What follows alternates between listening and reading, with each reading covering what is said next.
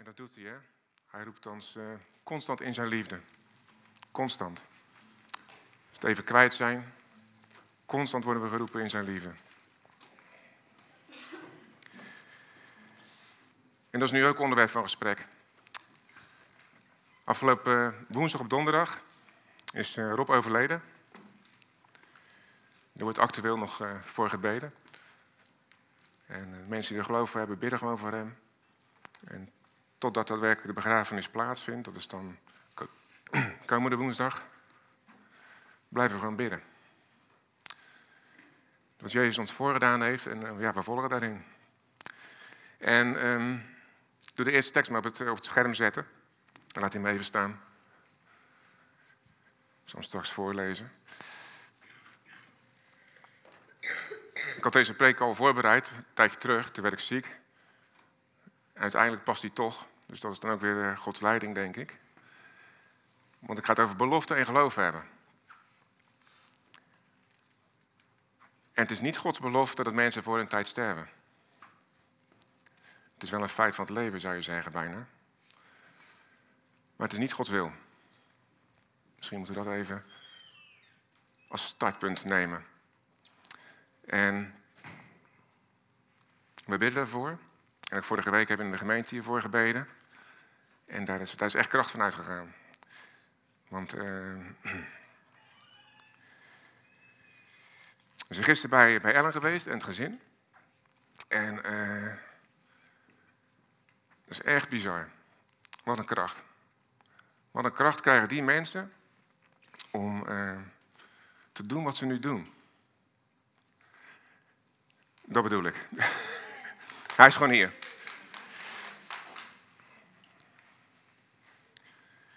En wat gaaf is het om uh, te zien dat ze zichzelf mogen zijn. Om te huilen. Om te lachen. Om de gekke dingen boven tafel te halen die Rob deed.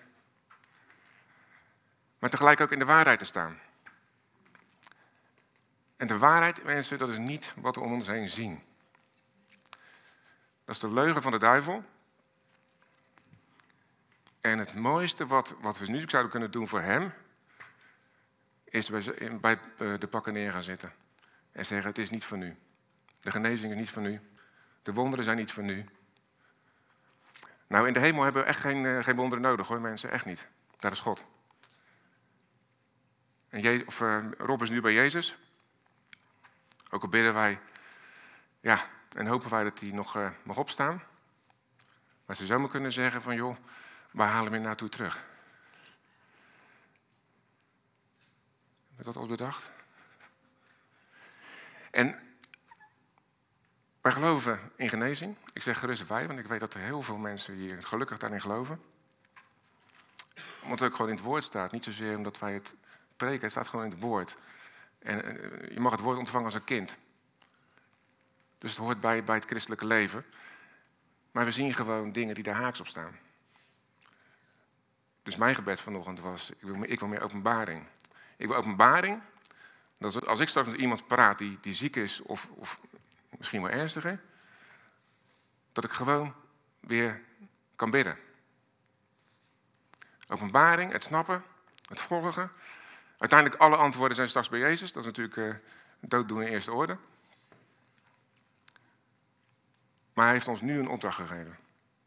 Hij heeft ons nu een opdracht gegeven, want dat is onze taak op aarde, om hoop te bieden waar geen hoop is. En daar gaat het vanochtend over. Beloftes en hoop en geloof. En het gaat hand in hand. En deze tekst,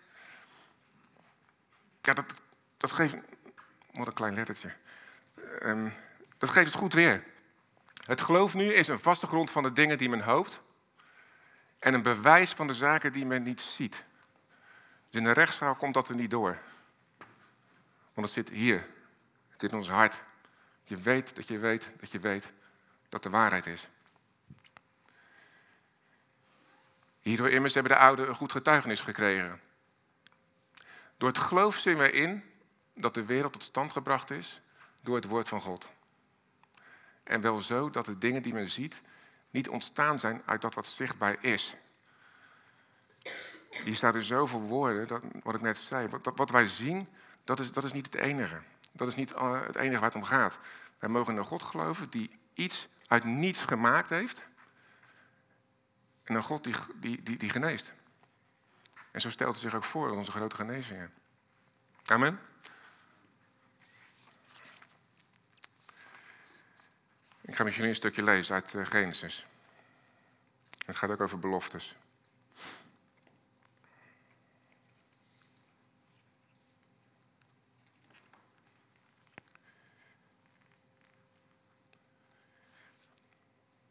En dat is Genesis 15, 1 tot 6.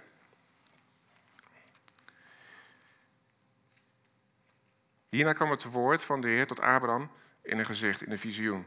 Vrees niet, Abraham, ik ben uw, schild. Uw loon zal zeer groot zijn. En Abraham zei, Heer, wat zult gij mij geven, daar ik kinderloos ben? Kinderloos heen ga en de bezitter van mijn huis, dat zal de Damaskene Eliezer zijn. En Abraham zei, zie, mij heeft u geen uh, nakroos gegeven, geen kinderen. En nu moet een onderhorige mijn erfgenaam zijn. Iemand die voor hem werkte. En zie, het woord van God kwam tot hem. Deze zal uw erfgenaam niet zijn. Maar uw lijfelijke zoon zal uw erfgenaam zijn.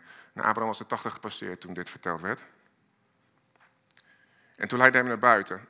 Toen leidde hij hem naar buiten en zei: Zie toch op naar de hemel, tel de sterren, indien je ze, je ze kunt tellen. En hij zei tot hem: Zo zal uw nageslacht zijn. En hij geloofde in de Heer, Abraham.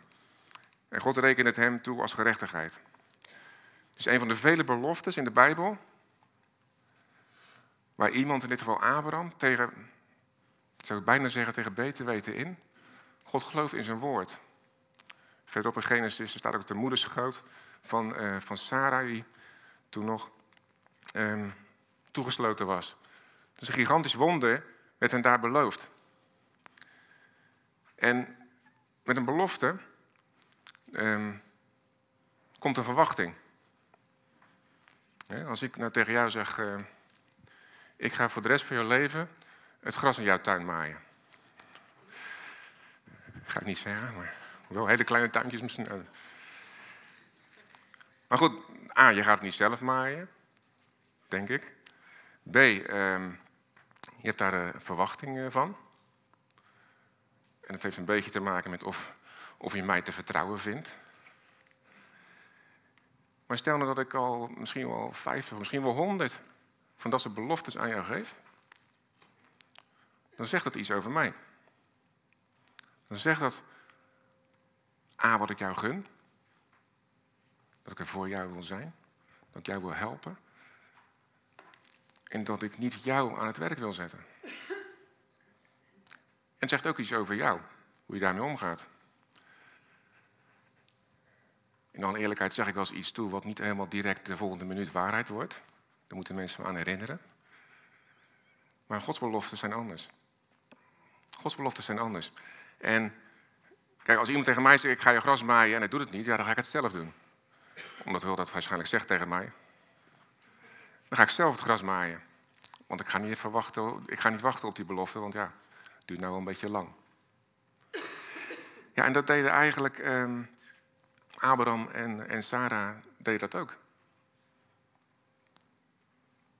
Marianne uh, sprak erover, de laatste keer ze sprak. En, en, dat woord ontving ik. En dat is ook, denk ik, ja, daar moet ik over spreken.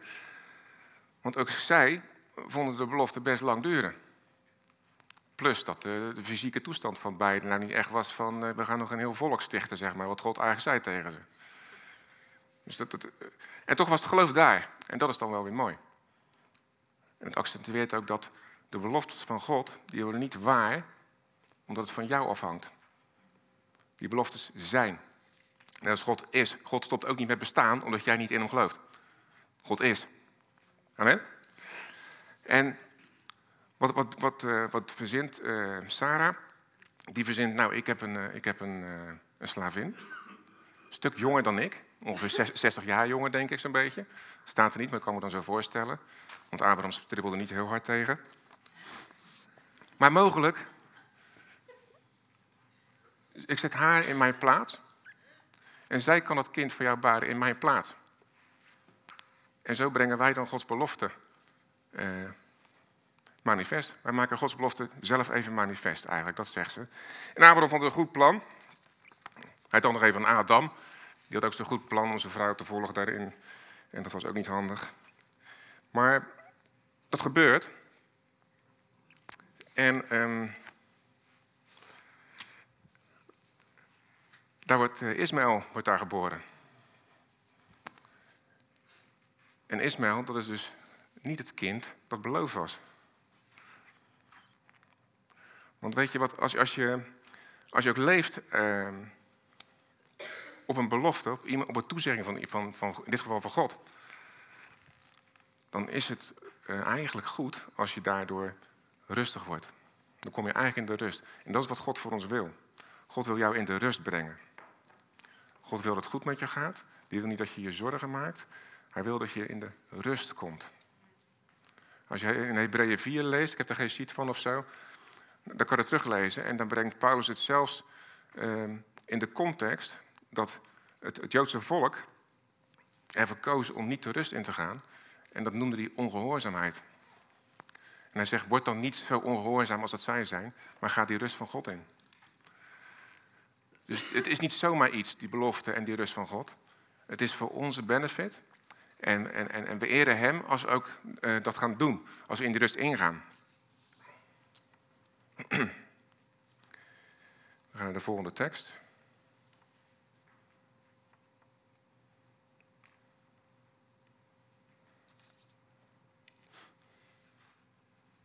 Hij mag naar de volgende. Ja, sorry, daar, mag hij ook naar. Is dat een. Ja, dankjewel.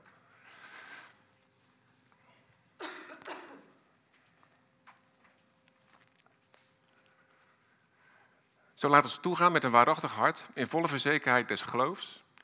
Onze harten gereinigd zijn van het kwaad geweten en het lichaam gewassen zijn in rein water. Jezus heeft eigenlijk alles voor ons gedaan. En daarom zegt God nu van kom naar mij, want je bent ook in staat om naar mij te komen.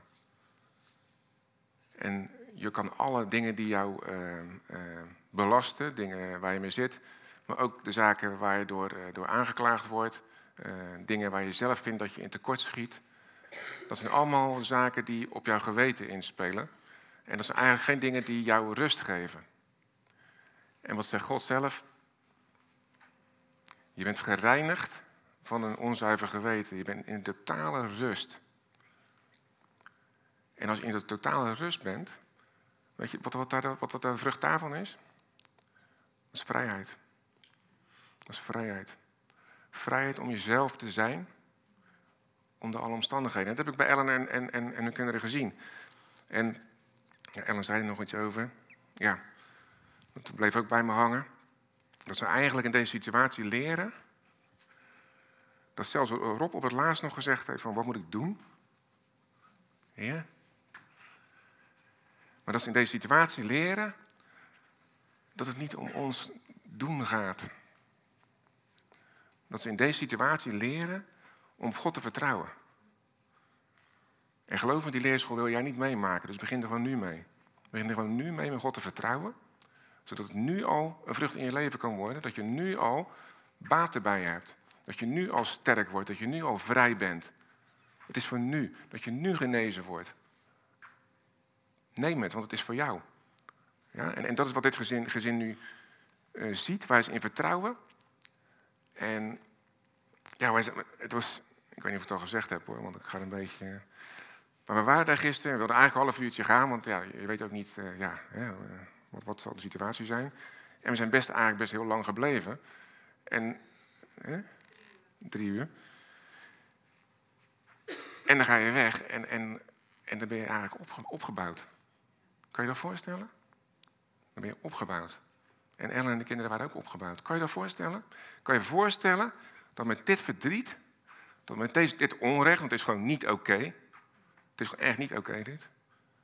Kan je je voorstellen dat dan door het geestelijke samen zijn, als je als gezin, als familie, als gemeente doet en hebt, dat je elkaar opbouwt en dat je gewoon boven de situatie als het ware uitstijgt? Snappen jullie dat we daarvoor aan elkaar gegeven zijn? Daar is het voor. Daarvoor is de eenheid van de gemeente om boven de situatie die we zien, die echt een drie-letterwoord is, om daarboven uit te stijgen. Om dat los te laten en om gewoon eigenlijk daar krachtig in te zijn. Wat een kracht. Wat een kracht in een gezin. Ik heb me er echt over verwonderd. En het is echt niet normaal dat je, dat je uit, uit een gezin wat dit meemaakt, een willekeurig gezin, dat je daar weggaat met het idee van, nou, ik vond het eigenlijk hartstikke fijn. Ik vond het eigenlijk hartstikke fijn. En het lichaam voorop ligt in de kamer. Kan je je voorstellen? Ik hoop het wel, want het is echt waar. Maar even terug naar Sarah en Hagar. Heb ik wel een Galaten 4 eh, sheet? Ja, fantastisch. Ja, dat is hem niet. Doe maar weg.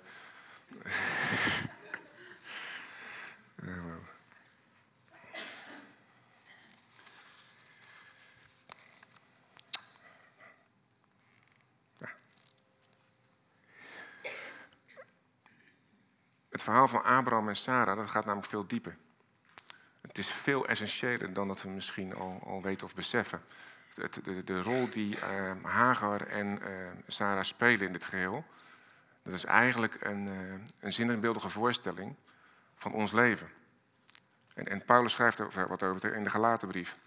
In de Galaten 4, 21 tot 26 schrijft je dat. Zegt mij, gij die onder de wet wilt staan, luistert gij niet naar die wet? Er staat immers geschreven dat Abraham twee zonen had. Eén bij de slavin en één bij de vrije. Want de belofte die werd eh, 13, 14 jaar later wel degelijk ingevuld doordat Isaac geboren werd. En Isaac is de zoon van de belofte. Ehm. maar die van de slavin, die was naar het vlees verwekt. Doch die van de vrije door de belofte. Nou, dat zei dus net. En naar het vlees verwekt, dat is een beetje ingewikkeld. Naar van, uh, ja, met menselijke inzettingen eigenlijk. Niet, vertrouwend, niet echt vertrouwend op God. Dit is iets waar een diepere zin ligt. Want dit zijn de twee bedelingen. De ene van de berg Sinaï, die slavenbaard. Dit is Hagar. De berg Sinaï is waar ook trouwens de wet aan het volk van Israël gegeven werd. Dit is Hagar. Het woord Hagar betekent berg Sinaï in Arabië. Het staat op één lijn met het tegenwoordige Jeruzalem, want dat is met zijn kinderen in slavernij. En dat is nu nog steeds. Maar het hemelse Jeruzalem is vrij en dat is onze moeder. En dat is een verwijzing naar Sarah. En het interessante is dat je ook ziet dat Hagar was een slavin van Sarah. Dus de wet, met al zijn inzettingen, het bewerken, het werken, diende eigenlijk de belofte. Dat is bizar, hè? Ik moet je even laten zinken misschien wat dat nou betekent. En mijn vraag vanochtend is voor jullie van, ben je een kind van Sarah of ben je een kind van Hagar? Dat is de vraag. Dat is de vraag van morgen.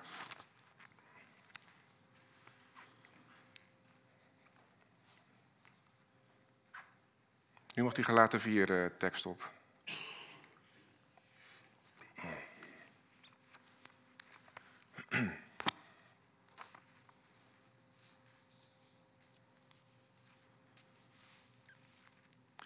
Maar toen de volheid des tijds gekomen was, heeft God zijn zoon uitgezonden. Geboren uit een vrouw, geboren onder de wet. En dat is Jezus. Mocht je dat niet begrijpen om hen die onder de wet waren vrij te kopen, opdat wij het recht van zonen zouden verkrijgen. En dat jullie zonen zijn, en dat gij zonen zijt. God heeft de geest van zijn zoon uitgezonden in onze harten. Die roept Abba Vader. Gij zijt dus niet meer slaaf, maar zoon. En indien je zoon bent, dan ben je ook erfgenaam. Is eigenlijk het antwoord op de vraag die ik net stelde. Want als je namelijk Jezus uh, ontvangt. En we hebben veel uh, genadeonderwijs gegeven in deze gemeente. En dat is helemaal goed. Maar ik denk dat, dat er meer mensen in die genade wandelen dan dat ze zelf beseffen. Want hier staat eigenlijk, als je Jezus in je hart hebt, als je geest ontvangen hebt, dan ben je een kind van de belofte. Dan ben je een kind van Isaac. God zegt ook tegen Abraham, door Isaac zal ik van nageslacht spreken, niet door Ismaël. Maar heeft die Ismaël, uh, wordt er niet meer over gesproken? Nee. Hij zegt, die heb ik gezegend en die, die wordt zo'n groot volk is dat geworden. Maar het kind van de belofte, dat zijn eigenlijk de kinderen van, van, van, van Isaac.